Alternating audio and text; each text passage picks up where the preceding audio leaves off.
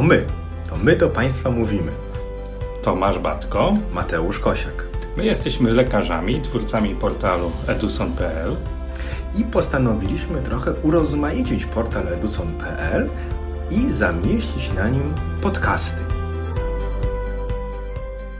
Ten sam pacjent, który poszedłby do kilku różnych ultrasonografistów, powinien wyjść od tych ultrasonografistów z takim samym albo bardzo podobnym wynikiem badania ultrasonograficznego. Wynikiem badania ultrasonograficznego bardzo podobnie opisanym. Oj, byłaby to sytuacja rzeczywiście idealna i takiej, której oczekujemy, że mamy jakiś wzorzec opisu badania USG zdrowego pacjenta, bo dziś porozmawiamy sobie o tym, jak powinien wyglądać opis zdrowego pacjenta bez względu na region ludzkiego ciała. Są pewne ogólno przyjęte zasady, którymi możemy się zgadzać, możemy z nimi dyskutować. My też jesteśmy otwarci na pewne propozycje, ale jednak no, słabo wygląda opis badania, bardzo krótki w stylu USG jamy brzusznej bez zmian. Bo musimy sobie zdawać sprawę, i ci, którzy badają, i ci, którzy kierują na badania, i ci, którzy chodzą na badania, nieskierowani, że to, jak wygląda opis badania ultrasonograficznego, to, co tam w tym opisie jest, jest ustandaryzowane. To znaczy, pewne doświadczone, mądre głowy i w Polsce, i w Europie, i wspólnie, i niezależnie od siebie pochylały się nad tym, aby dać nam pewnego rodzaju wytyczne, wytyczne mówiące o tym, co w takim opisie powinniśmy zawrzeć.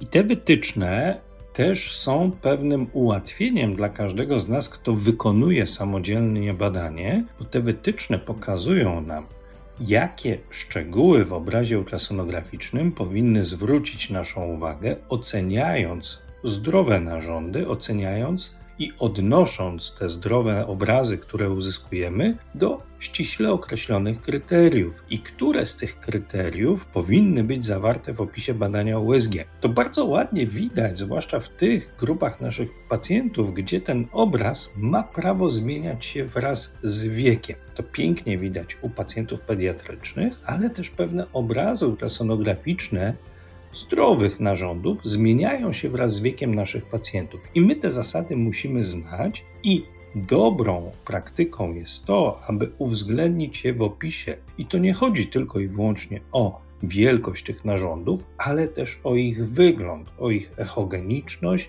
echostrukturę, kształt, symetrię. To są wszystko elementy, które powinien zawierać nasz opis.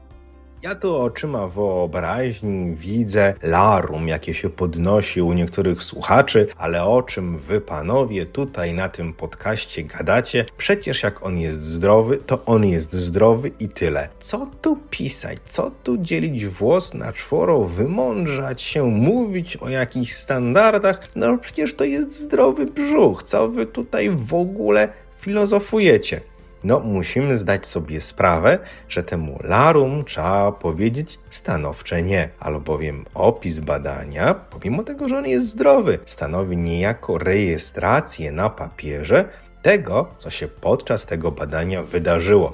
I oczywiście na ten czas, na ten moment ten pacjent może na podstawie swojego badania ultrasonograficznego nie wymagać żadnej interwencji lekarskiej, ale może zajść sytuacja, że stan zdrowia tego pacjenta się zmieni i ktoś będzie chciał, czy sam pacjent, czy rodzina pacjenta, czy lekarz prowadzący, dojść do tego, czy podczas tego badania, tego właśnie, w którym no nic złego nie stwierdzono, co było obejrzane, jak było obejrzane, czy dokonaliśmy odpowiedniej staranności. I tutaj doskonałym przykładem, który obrazuje to, o czym nam teraz powiedziałeś, są narządy parzyste. A wśród tych narządów parzystych te, które najczęściej oceniamy w badaniu ultrasonograficznym, czyli nerki. Wydawałoby się, że no, jaki jest koń, każdy widzi, każdy ma dwie nerki, o czym tu pisać. Jak nie ma jakiejś nerki, okej, okay, zaznaczmy, nie widać nerki lewej, prawej, być może jej nie ma, być może została usunięta. Ale jak są dwie nerki, to po co się nad nimi tutaj rozczulać? Czy je mierzyć, czy nie mierzyć, czy sprawdzać, gdzie one są położone? Przecież to teoretycznie niekoniecznie ma znaczenie.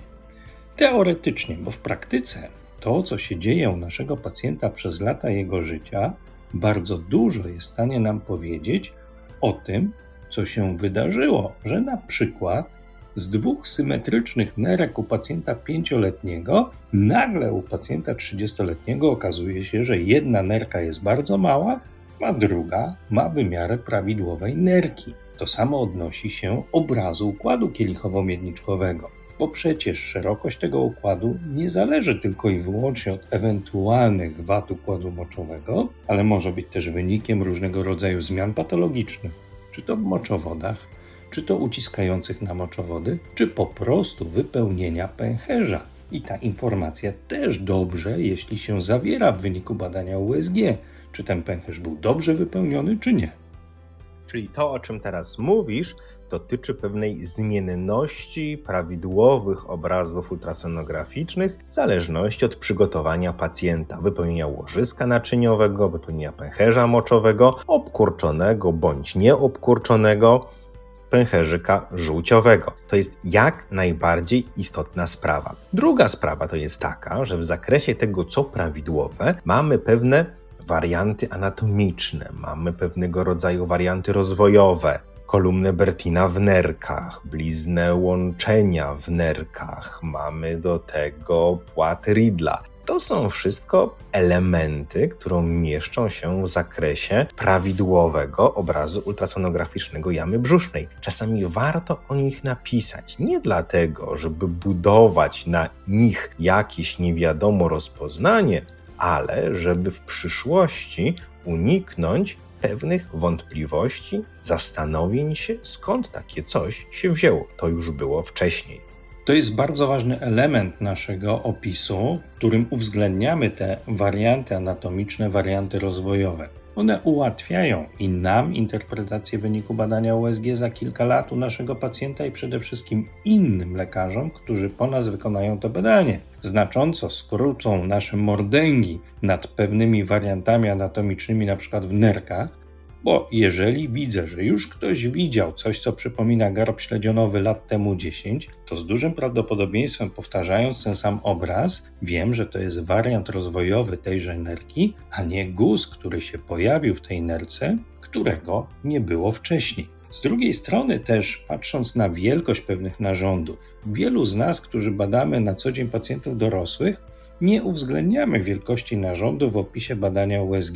A wbrew pozorom jest to dobra praktyka, która bardzo dużo mówi nam o tym, co w przebiegu życia naszych pacjentów dzieje się z narządami, które są przez nich noszone. To, co widać bardzo ładnie u pacjentów pediatrycznych, jak zmienia się wielkość narządów, może mieć potem bardzo ładne odniesienie wtedy, kiedy ten pacjent jako dorosły przychodzi do nas na badanie USG, przynosi stare wyniki badania USG i my jesteśmy w stanie prawidłowo wnioskować na temat pewnych zmian patologicznych, które dostrzegamy u naszego pacjenta, a które mogą wpływać na wielkość tych narządów.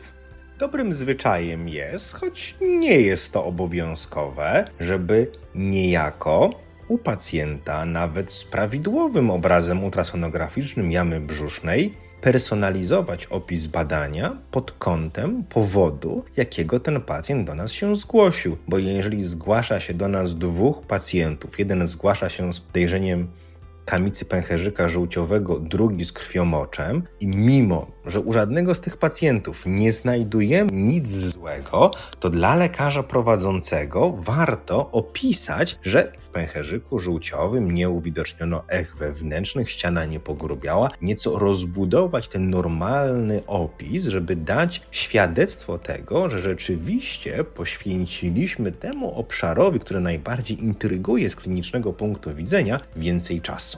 To się też tyczy takich sytuacji klinicznych, kiedy choć bardzo chcielibyśmy coś uwidocznić, nie jesteśmy w stanie tego dostrzec w czasie naszego badania i mamy pewne wątpliwości kliniczne. Na przykład zgłasza się do nas pacjent z bólem w prawym dole biodrowym i my szukamy wrostka robaczkowego, bo wiemy, że jedną z przyczyn ostrego bólu brzucha w tej okolicy może być ostre zapalenie wyrostka. I nie jesteśmy w stanie zobaczyć tego wyrostka, albo widzimy go tylko częściowo, to uwzględnijmy to w naszym opisie, że ten wyrostek był widoczny fragmentarycznie, albo nie udało się nam uwidocznić wyrostka, za to udało się nam zobaczyć niewielką objętość płynu międzypiętlową, jakieś węzły chłonne, zmienioną ścianę jelita krętego bądź kątnicy.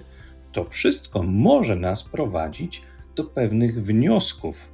Podobnie jak ta sama okolica oceniana u kobiet będzie przez nas nieco inaczej opisana, bo też zwrócimy w naszym opisie uwagę na to, jak wygląda prawy jajnik, jak wygląda macica, jak wygląda obraz miednicy mniejszej, bo to też może być w zakresie dolegliwości, które zgłasza nasz pacjent. Pamiętajmy też, że to, co dla nas jest oczywiste, nie zawsze jest oczywiste dla czytającego możemy uwidocznić głowę i trzon trzustki, ale ogon będzie dla nas niewidoczny. Więc napiszmy nie tylko, że trzustka widoczna fragmentarycznie, ale jakie części udało nam się uwidocznić, że uwidoczniliśmy głowę, oraz że to ogon był słabo widoczny, bo u pacjenta z podejrzeniem procesu rozrostowego najczęściej ten proces rozrostowy lokalizuje się w głowie i to ona jest najważniejsza. U pacjenta z ostrym zapaleniem trzustki najwcześniej płyn w okolicy trzustki lokalizuje się w okolicy ogona. A w sytuacji, kiedy dostrzegamy pewne warianty anatomiczne, które są wariantami rozwojowymi u naszego pacjenta i stanowią prawidłowy obraz ultrasonograficzny, to również uwzględnijmy to w naszym opisie, bo nie każdy z lekarzy, którzy interpretują obraz czy wynik badania USG, ma świadomość tego, że na przykład płat Ridla jest wariantem rozwojowym, że na przykład przebieg żyły głównej dolnej po stronie lewej od aorty do poziomu lewej żyły nerkowej też jest pewnym wariantem rozwojowym i nie zawsze, nie wszędzie świadczy o patologii bądź jest źródłem pewnych objawów patologicznych.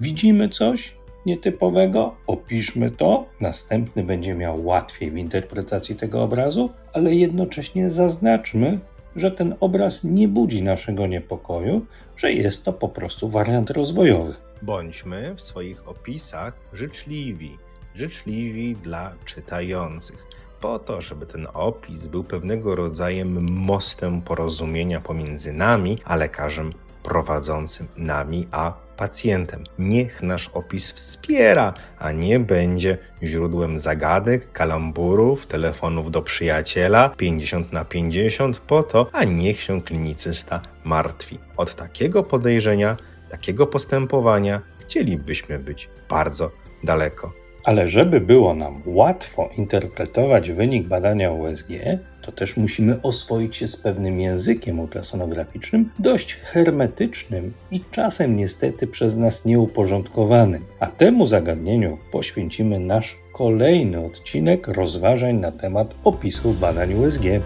Do usłyszenia. Do usłyszenia.